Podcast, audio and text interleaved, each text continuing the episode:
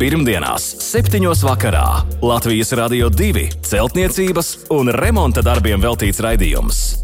No pamatiem līdz jumtam. Ar padomiem un atbildēm uz klausītāju jautājumiem Latvijas Rādio 2 studijā - tehnisko zinātņu doktors, būveksperts Juris Biršs. Sveicināti pirmdienas vakarā, 8. martā, 19,5 minūtes. Un šajā brīdī pie jums dodas raidījums no pamatiem līdz jumtam. Studijā Inese un kā alažas jūsu jautājumiem ir gatavs atbildēt un konsultācijas sniegt būveksperts, tehnisko zinātņu doktors Juris Biršs. Sveicināti, Birškungs! Labvakar! Šodien tāds zīmīgs datums, 8. marts. Nu, man tas vairāk ar, ar ziedošām tulpēm nāk atmiņās. Jā, īpaši ar sarkanām. Jā, nu, sar, sarkans. Bet nekas, protams, nu, sievietes vienmēr ir pelnījušas, ka viņas atzīst, par to man nekas pretī nav. Protams, varbūt jums kāds labs vārds un sveiciens ir sakāms mūsu skaistajām, burvīgajām, gudrajām dāmām. Nu, es teiktu, lai arī burvīgās dāmas pievērš uzmanību šai māju apsaimnieku aprīkošanai, saimniecībai. Jo viņam jau viss patīk, viss skaistais. Un skaists ir arī labi sakauta māja. Protams, bieži kungs, un par to arī liecina mūsu klausītāju vēstules, jo dāmas mums rat, raksta gandrīz katrā raidījumā. Pareizāk sakot, katrā raidījumā, un arī šajā ir vairākas skaistā dzimuma pārstāvju vēstules.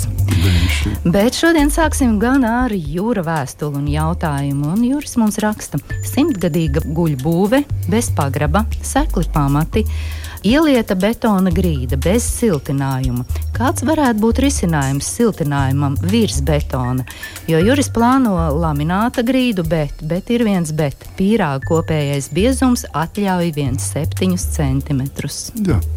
Pietiek? Jautā, Pietiek, pietiek. Jautājums ir, ir ļoti populārs, un es domāju, ka daudziem, un bez šaubām arī jautājums ir ļoti aktuāls. Tāpēc, ka dzīvot uz betona grīdas, nu, ja, ja tā ir simtgadīga būva, un tad apakšā nekādas siltumizolācijas tur zem betona nav, protams, nu, tad tā arī kaut kas jādomā. Šajā gadījumā jautājums ir ļoti vienkāršs. Ir betona grīda, atsakamies no jebkādām koka teiksim, lagām vai sijām, ko mēs gribētu likt virsū, kas vienmēr būs augstāks par 7 centimetriem.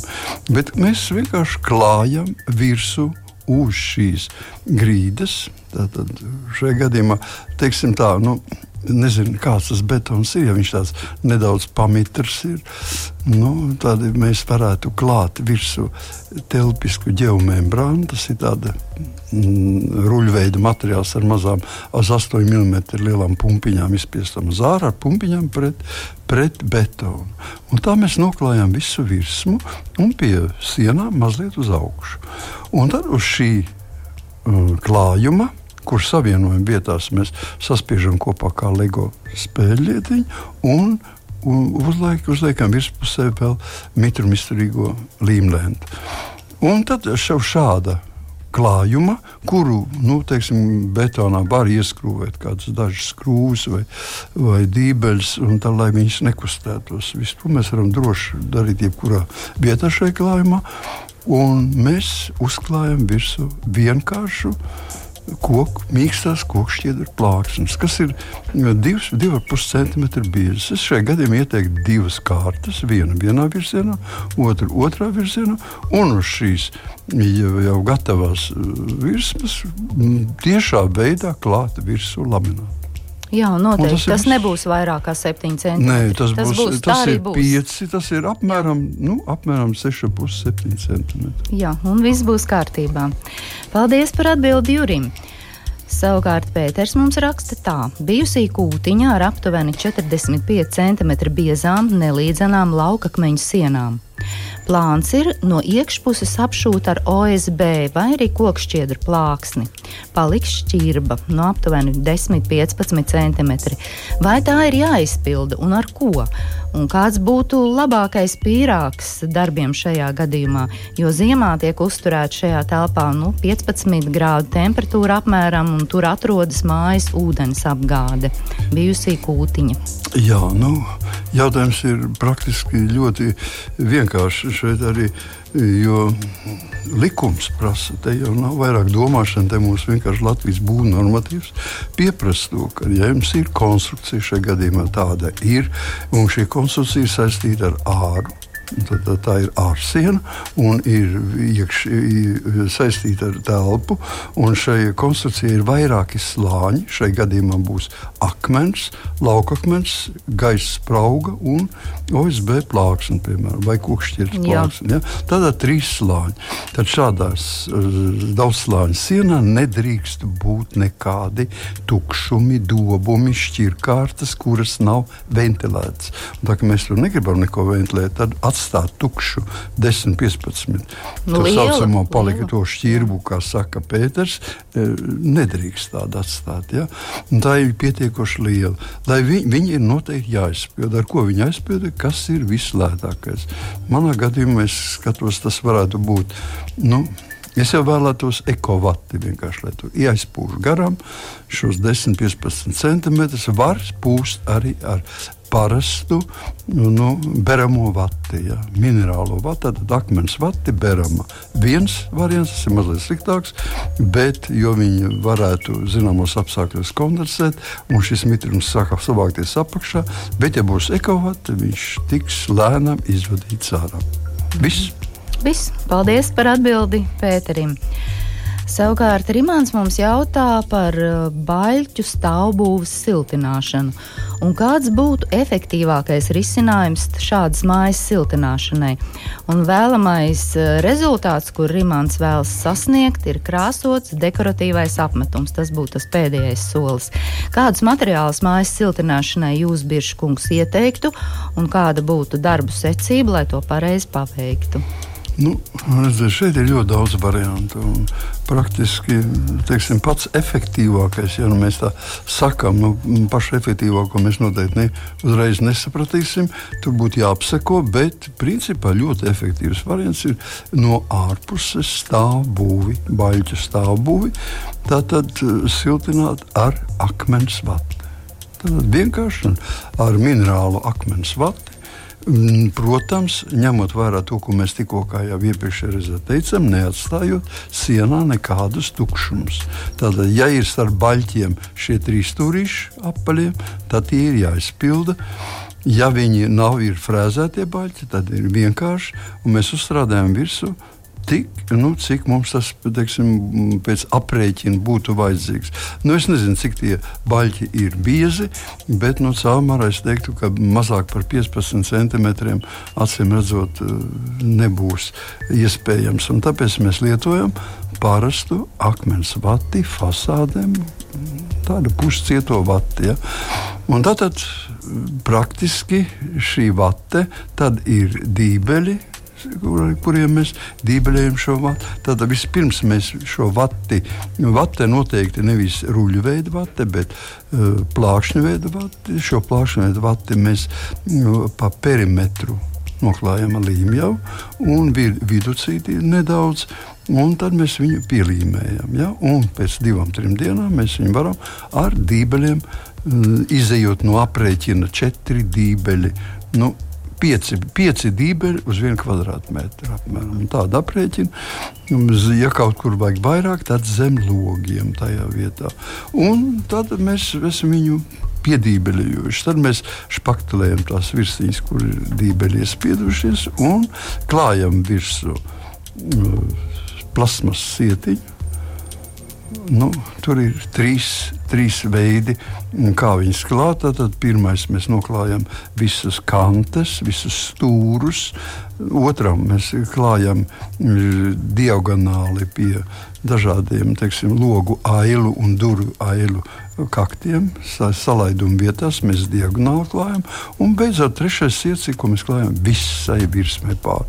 Un tad mēs uznesam virsmu Mm, teikt, vislabākais ieteiktu baltu, baltas krāsas apmetumu, kuru tad, kad viss ir kārtībā, izvilkts un visi meistari ir izmērījuši, ka viss ir vienādi un labi, tad vienā dienā četri spāņi ar krāsu. Un, un viss tiek nokrāsots. Jā, un iegūstam gala rezultātu, Jā, krāsotu dekoratīvu apmetumu. Tieši tā. Jā, paldies par atbildi Rimantam. Šodien mums ir bišķi daudz jautājumu par tieši par mājas siltināšanu, un arī nākamais, kuru mums ir atsūtījis Ārvis. Arvis jautā, kā pareizi siltināt vecu koku māju no iekšpuses. Mājas iekšsienas ir apsistas ar plānu finieri, uz finiera ir rīģipsis. Vai var siltināt ar akmens vati, rīģipša metāla profiliem un veidot jaunu rīģipša sienu? Un vēl jautā par plēvi, vai jālieto vēja plēve. Nu, es teiktu, tā, ka ja jau reiz ir koka māja un mums arvis ir kārtīgi pastāstījis, no kā viņa sastāv, nu, tad es domāju, ka nejauksim to, no kā viņa sastāv. Tad koka daļa paliek, paliek plānais finieris. Protams, aiz viņa kaut kur starp finieru un, to, un tiem baļķiem vai koka mm, teiksim, lielākiem profiliem atrodas kaut nedaudz gaiss, bet tas nebūs sevišķi daudz. Tāpat tas uz finiera ir cieši piestiprināts riģips. Ja tā ir veca koka māja, tad riģips ir vecs acīm redzot, bez šiem rīķības metāla profiliem. Ja, tad viņš ir tuvu pielīmēts vai pieskrūvēts tieši cieši klāt. Arī gaisa spraugas maz. Un tālāk ir siltinājums. Ot, es jums ieteiktu, ka labāk būtu, ja mēs nelietotu mm, šo, šai gadījumā šo rīķības metāla profilu. Tas ir eh, jau pats par sevi materiāls, kas ir pēc tam jāskrūvē, jāizlīdzina, un pēc tam uz viņa veidos rīķības sienu. Nu, un, un pēc šīs rīķības sienas, tad, tad uh, starp tiem profiliem liks iekšā akmens vati, un, un, un tad būs jāliek priekšā plēve. Tvaika izolācija. Nu, tas galīgi vairāk nepatīk. Dzīvot koku mājā un iekšpusē būt tvaika plēvē. Tāpēc es ieteiktu uz jūsu esošās mājas riģipsi droši likt virsū mīkstās kokšķieta plāksnes teiksim, divas kārtas, divreiz pa 2,5 cm.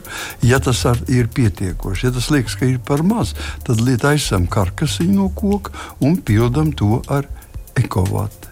Un tad noslēdzot visu to, mēs noslēdzam ar mīksto kokšķiedra plāksni, uz kuras klājam virsū džutas auduma.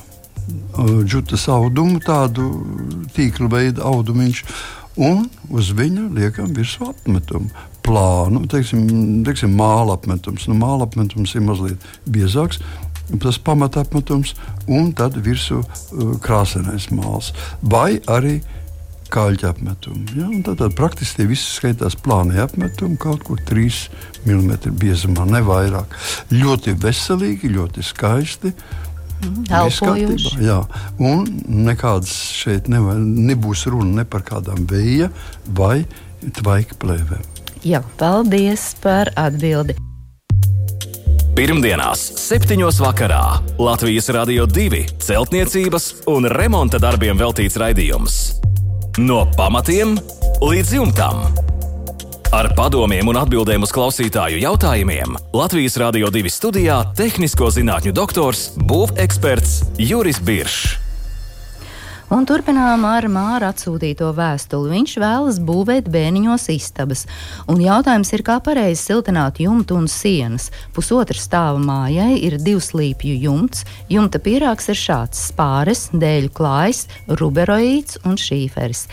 Tas pašlaik netiks mainīts. Stāsts ir par šīferu, ka tas netiks mainīts. Nu, varbūt nē, ne, ļoti iespējams, ka šī ir noteikti. Bet uh, arī vispārējā konstrukcija neizskatās. Viss kārtībā. Kaut ko nu, tur.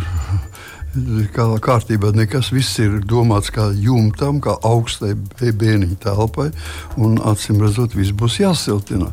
Jāsiltina būs jumts, Un jāsietina būs ēkas sienas. Tas, nu, cik tuvu var pieiet pie pašobas divas līpjums, cik tuvu var pieiet, tur veidosies eh, vertikāla sieniņa. Ja? Un šo vertikālo sieniņu nevajadzētu siltināt, bet vajadzētu pareizi būt siltināt visu jumta daļu. Ja? Jumta daļa, kurai paredzēts tātad, būt. Tātad, nu, cik tālu līdz, līdz, līdz, līdz kurai iet, es tagad nevaru pateikt. Mēs nezinām, cik tas tālu ir. Bet tātad uz leju pa slīpo daļu līdz pašai ēkas sienai. To vajadzētu siltināt, un tad mēs siltinām arī pārsegumu. Ja? Bet nesiltinām vertikālo sienu. Ļoti daudz mm -hmm. siltina Jā. vertikālās sieniņas tās tikai un atstāja augstās pažobeles. Tas nav labi. Tad krāsies uz jumta, var krāties liekas ūdens pavasarī. Tāpēc, teiksim, un, un viss jautājums jau noteikts, cik liela, cik augstas ir spāras. Ja mēs to zinātu, Mārcis būtu uzrakstījis, tad spāras cik viņas ir augstas. Teiksim, šodien, kad mēs gribam jau siltinātas un mājas veidojam, mēs apmēram izvēlamies ap 20 centimetriem šo spāru platumu. Agrākos laikos, kad bērniņos reti dzīvoja, tad spārs bija samazināts. Teiksim, nu, viņš varēja būt 12 centimetri. Tad mēs nevaram, tas ir nepietiekošs siltinājuma biezums, lai viņš varētu izturēt jumta siltinājumus. Ja? Un tāpēc to dara 10 centimetri ar akmens vati, vai nu, vienalga minerālo vati siltinām iekšpusē vēl vienu kārtu ar reflektīvo siltumizolācijas materiālu. Nu, nu, jāpam, jāpaskatās arī internetā, kur var dabūt reflektīvu siltumizolācijas materiālu, kas sastāv no daudziem slāņiem. Tātad eh, praktiski metāla folija plus starpliks, tāds elastīgs, ja? un mikropors ar starpliks. Un tāds eh, tātad, ruļveida materiāls varētu būt, kas sastāv no 30, 20 vai 10 kārtām. Un to tad apakšā šūja klāt, lai varētu nu, tajos 12 centimetros iegūt to pašu rezultātu, ko varētu iegūt nu, teiksim, ar 20 centimetriem parasti normāli siltinājumu vienā kārtā. Nu, tas, ir, tas ir ļoti ātri un ļoti provizoriski pateikts. Tur ir daudz dažādu āķīšu, kurus vajadzētu nu, nu, iesākt. Teiksim, to siltināšanas darbs, un, ja rodas kaut kas ne tā, kā vajag, tad lai raksta. Lai uzraksta vēl vienu vēstuli. Jā, paldies par atbildi. Edgars jautājums ir šāds. Vai pamatus divstāvu privātmājai, kas tiks būvēta no 3 megapaskāliem 350 mm gāzbetona blokiem, var veidot izmantojot 3 megapaskālu 300 mm vai 5 megapaskālu 250 mm keramzīta betona blokus? Jā, nu, jautājums arī nekāds īpaši svarīgs. Tas var veidot gan tā, gan tā. Būtu, kā ir labāk, labāk. Es pateikšu, protams, ka ar pamatiem ir labāk lietot 5, un tam viņi arī domāt 5 megapaskalu.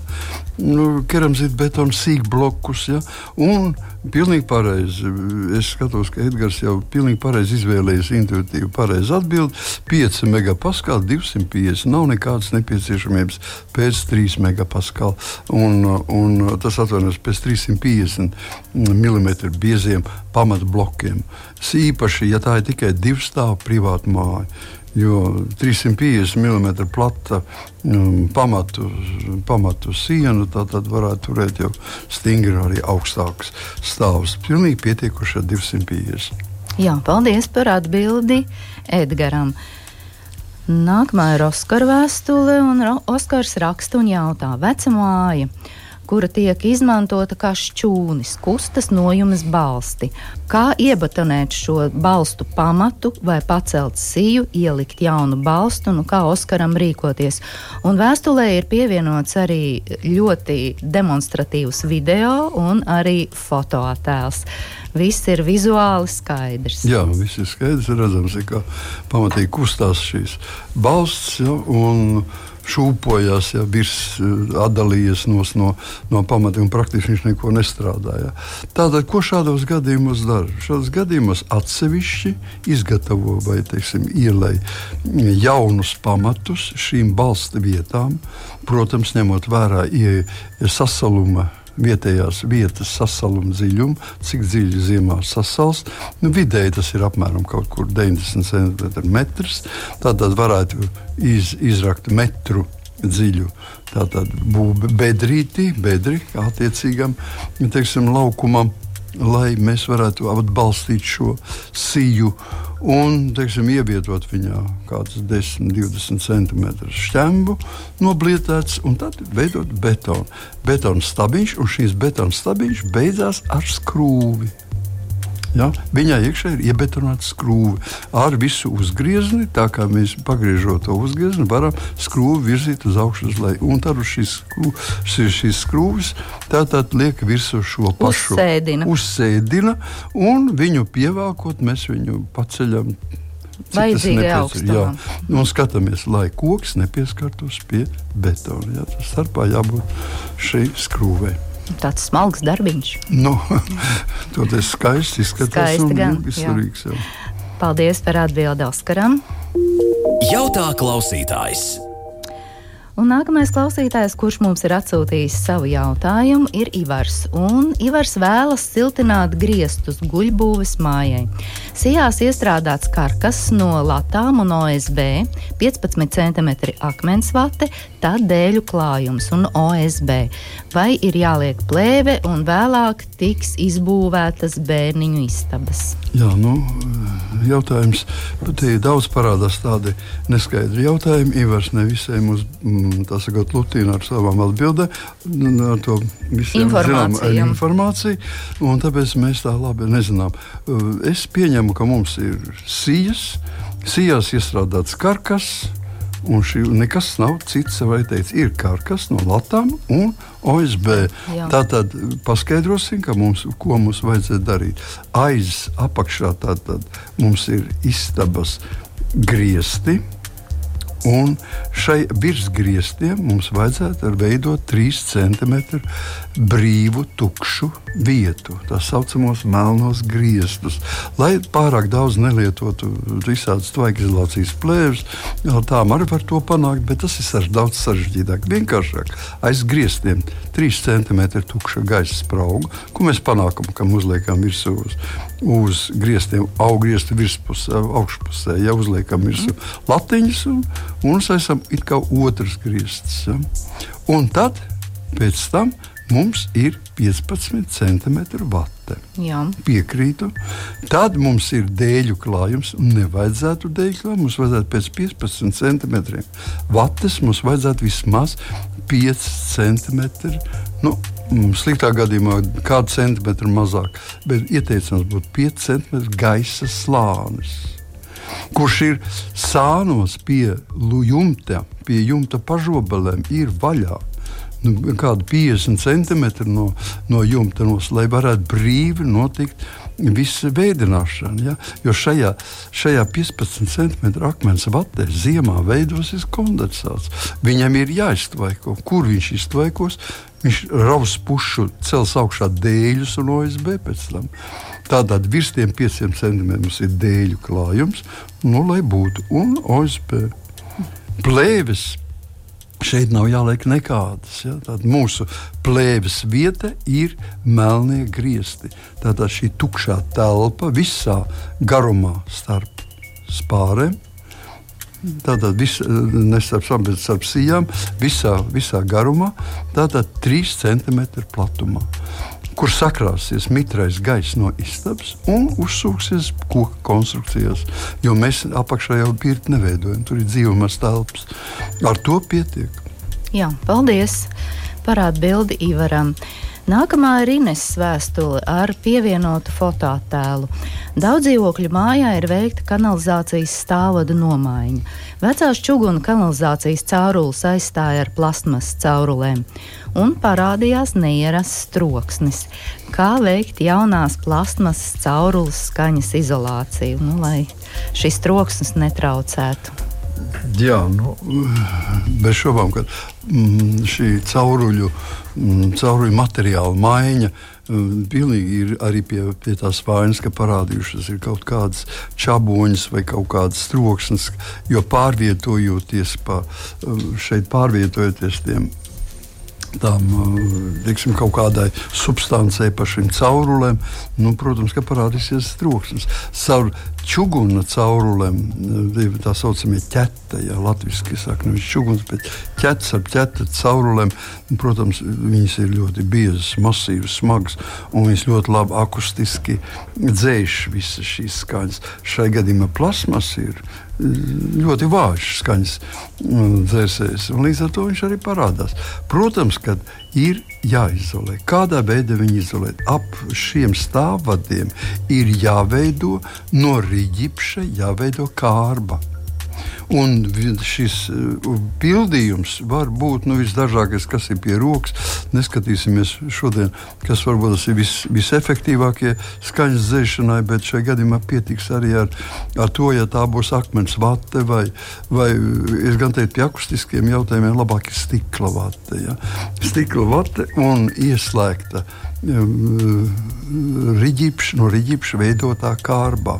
Šai riģipša veidotā kārba jāveido no divu dubultu riģipšiem. Tāpēc, ka riģips ir smags materiāls un labi dzēš skaņu. Tātad, jo biezāks būs šis riģipsis, jo mazāk jūs dzirdēsiet to. Es domāju, ka ar to ir pilnīgi jāpietiek, lai veidotos. Jo redziet, veidojās caurules, ap caurulēm ir kārba, un šo, lai visa istaba būtu tāda kaut cik izskatīga, tad acīm redzot, visu to stūri mazliet norobežo, un tad veidojas trīs veidājas sienas starp, starp cauruli, siltumizolācijas materiāls, riģipsis un vēl noslēdzošā siena. Tas tam vajadzētu pietikt. Un tas slāpēs šos trokšņus. Tas slāpēs šos trokšņus. Jā. jā, paldies par atbildi. Nākamā vēstule mums ir no Intas. Intai koka mājā ielikti plastmasas pakašu logi, spraugus piepūsts ar putām, un meistars solīja, ka atbrauks un apšūs malas, lai būtu smuki, jo vecos logus mainot visus dēļus noplēsa. Nu, diemžēl ir pagājis laiks, bet meistari ir pazuduši ne miņas, ne ziņas. Vai apšujot logu apmalas vecās putas ir jāņem ārā? Un jāpūš jaunus. Tā mums uh, vaicā Inta, jo izskatās nesmuki un putni arī ir papostījuši. Un jūtams, kā arī gar logu malām istabā ieplūst augstais gaiss. Jā, nu tas nav tas labākā, mm, labākais veistījums vai teiksim, stāsts, kas skan tā ļoti bieži. Tā mēs to darām. Man mazliet kauns no būvniekiem, bet tas ir tā iegājies jau praktiski visās praksēs, ka mēs tiešām logus liekam uz putām. Labi zinot, ka šīs putas vairāk par pusotru, diviem gadiem netur, tad viņas ir novecojušas. Un nevis tāpēc, ka viņas būtu pazudušas, bet viņas ir, bet viņas vairāk kā siltumizolācija netur. Un arī sāk, kā pilnīgi pareizi saka Inta, sāk arī just, drūpošs, ka viņas ir drūpošas un viņas arī jūt, ka, ka vēl, ka tur vairāk nav siltuma netur šīs putas. Tāpēc es ieteiktu putas ārā, pilnībā visas izkasīt ārā, cik nu tas ir iespējams, un pēc tam putu vietā no abām pusēm drīvēt lina pakuls vai kaņepāja pakuls. Veikalos ir dabūjams gan viens, gan otrs materiāls, būvmateriāla veikalos. Un, ja nē, tad pameklējiet internetā, noteikti atradīsim. Un, un ja viņas nevar kārtīgi nodrīvēt, viņi turās pretī kā atspērs, ja, tad mēs viņus nedaudz saslapinām ar kaļķūdeni, veidojam no kaļķa un ūdens tādu pienam līdzīgu substanci, viņā saslapina un tad vieglāk var noblīvēt. Tas būs jau uz simtiem gadu. Ja? Kamēr tā māja dzīvos, tikmēr ar to pietiks. Pēc tam, kad paliek apmēram līdz uh, blīvējumam, līdz, līdz loga rāmītiem, mala paliek apmēram puscentimetrs, tad to pārējo daļu mēs piešpaktelējam. Nu, ideālā gadījumā ar tādu speciālu sastāvu, ko sauc par permačinks. Tas ir amerikāņu tāds uh, speciāls blī, blīvējošs, uh, uz aktīvu bāzes veidots hermetiķis, vai arī Latvijā kādreiz viņi mēģināja pakaļdarināt šo sastāvu, un viņš tāds nevis sevišķi izdevies bija, bet pie logiem ļoti labi arī var derēt. Un, jeb atrodam kādu citu, vienalga elastīgu hermetiķu, ar ko mēs varam izlīdzināt šīs eh, tātad, vietu starp drīvēto mm, pakulu un, un teiksim, to malu. Mhm. Un tad neatstāsim tā, kā mēs tur atstājuši, kas solīja, bet tikai pēc tam mēs līmējam virsū no ārpuses īpašu lentu, ko sauc par logu ārā rentni, un ir logam arī iekšējā lente. Ja? To nedrīkst sajaukt. Tātad iekšpusē mēs līmējam virsū iekšā lente un ārpusē ārpus lente. Un tad, jo viņa pieļauj to neļaus teiksim, mitrumam no telpas iekļūt iekšā tajā siltinājumā, un atkal no siltinājuma āva zāra viņa ļauj iziet tā lente. Un tad mēs tikai apšujam ar īpašiem nu, dēlīšiem, ar kādiem tas ir vajadzīgs klaides, mēs sakām, liekam virsū. Nu jā, koku māja. Paldies par atbildi Intai. Darba būs daudz, bet tas ir to vērts. Viss tas būs kārtībā. Vērts, Un vēl viens tāds neliels jautājums, un to ir atsūtījis Guntis. Kur Latvijā var nopirkt sausu keramzītu? Mm, jā, nu, tur jautājums ir eh, tiešām man ir grūti pateikt. Man, manā skatījumā ir nopērkams keramzīts. Eh, jo savs keramzīts tas nozīmē, ka viņš ir eh, keramzīta graudi. Lai viņš būtu savs, mums viņš jāpērk iepakojumā. Nevis teiksim, tur milzīgajās pakās, bet teiksim, tur līdz Daudz apmēram tas paku lielums ir tāds pats kā cementa maisiem, apmēram līdzīgs pat 30, 40 litriem. Šie maisi ir, un ja mēs nepir, ne, nepirksim viņu vienkārši nu, mitrs, viņš varētu būt tad, ja viņš nav šajos maisos, viņš ir vienkārši beramā veidā. Vai arī viņš ir samitrinājies lielajos, teiksim, lielajos maisos, kuros viņš ir pusotru, divu, trīs kubikmetri. Tāda milzīga maisa. Pagaidām, es, cik esmu redzējis, man liekas, ka viņš ir pietiekuši savs. Jā, paldies, Biržkungs. Līdz ar gunti jautājumu mūsu raidījums šovakar ir noslēdzies. Atgādināšu klausītāji, ka visus mūsu raidījumus varat noklausīties Latvijas radio arhīvā, kā arī izmantojot savas iecienītākās podkāstu platformas.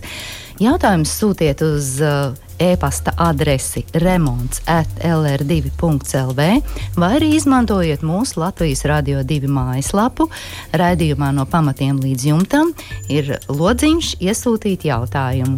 Bet šovakar, lai jums jauks, mierīgs, skaists, izdevies vakars, paldies Biržkungs par darbu un paldies klausītājiem par iesūtītajiem jautājumiem. Visu labu jums! Tiekamies pēc nedēļas! Pirmdienās, 7. vakarā Latvijas Rādio 2 celtniecības un remonta darbiem veltīts raidījums. No pamatiem līdz jumtam. Ar padomiem un atbildēm uz klausītāju jautājumiem Latvijas Rādio 2 studijā - tehnisko zinātņu doktors, būveksperts Juris Biršs.